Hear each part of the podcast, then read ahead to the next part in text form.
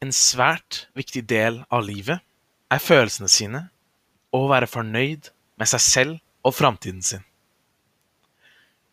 I medier, gamle eller nye, blir forskjellige temaer som går i selvfølelse, utforsket. Så hvordan fremstiller Aftensalme og videoserien Krigerhjerte temaene sorg, resiliens og død?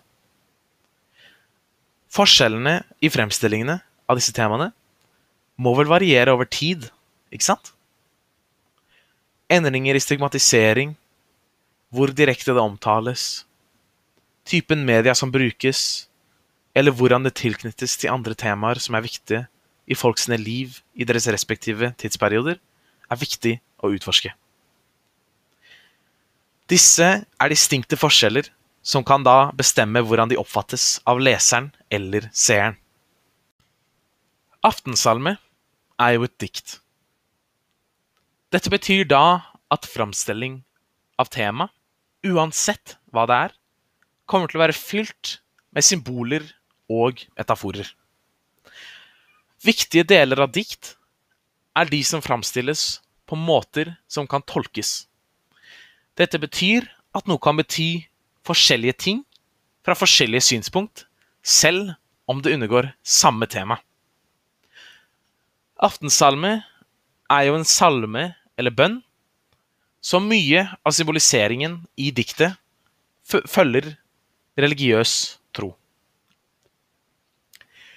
Dette samsvarer også med tidsperioden diktet ble laget i. Likevel kan vi se glimt av mer personlige tanker og følelser som uttrykkes om å være usikker overfor døden og livet etterpå.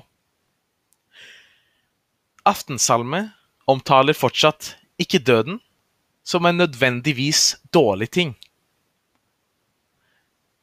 Diktet snakker om å sove inn og bli mottatt i etterlivet med fryd og fred. Aftensalme drøfter de gode og dårlige tingene med døden. Sorgen om en ultimat slutt for alt de vet, og tanken om et etterliv og resiliensen man trenger for å oppholde slike tanker, slik at mørkheten ikke tar over. Noen av disse emnene blir direkte nevnt, imens andre ligger i bakgrunnen heller som metaforer eller paralleller. Krigerhjertet handler i bunn og grunn om resiliens. Vi følger to folk med rusproblemer på deres reise om å overkomme de. Man trenger et tonn med styrke og resiliens for å kunne klare seg i slike situasjoner.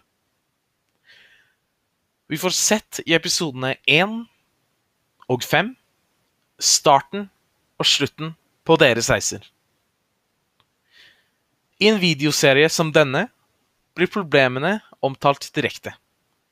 Sorgen de har overfor problemet de har, og hvor vanskelig de har det med å endre ting og situasjonen generelt, blir, vist, blir vist visuelt.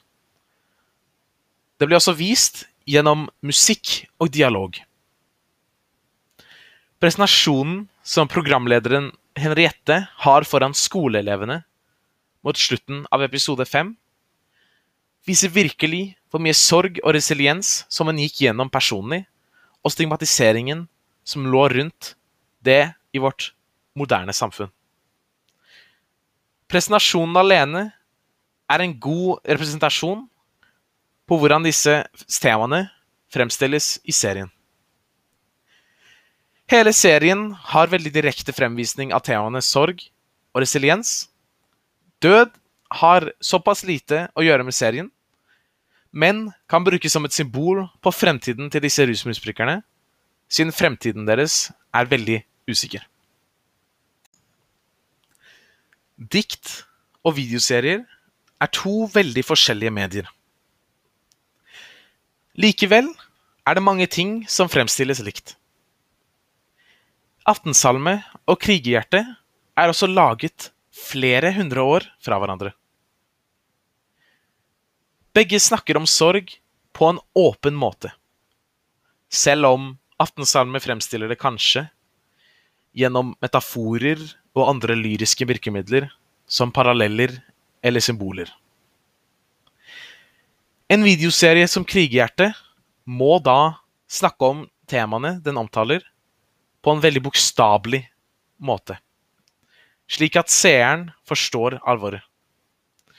Død er et sentralt tema i Aftensalme, og selv om det ikke gjenspeiles like mye i krigerhjertet, er det fortsatt en lik sentimentalitet om å være usikker på fremtiden eller hva som kommer etterpå.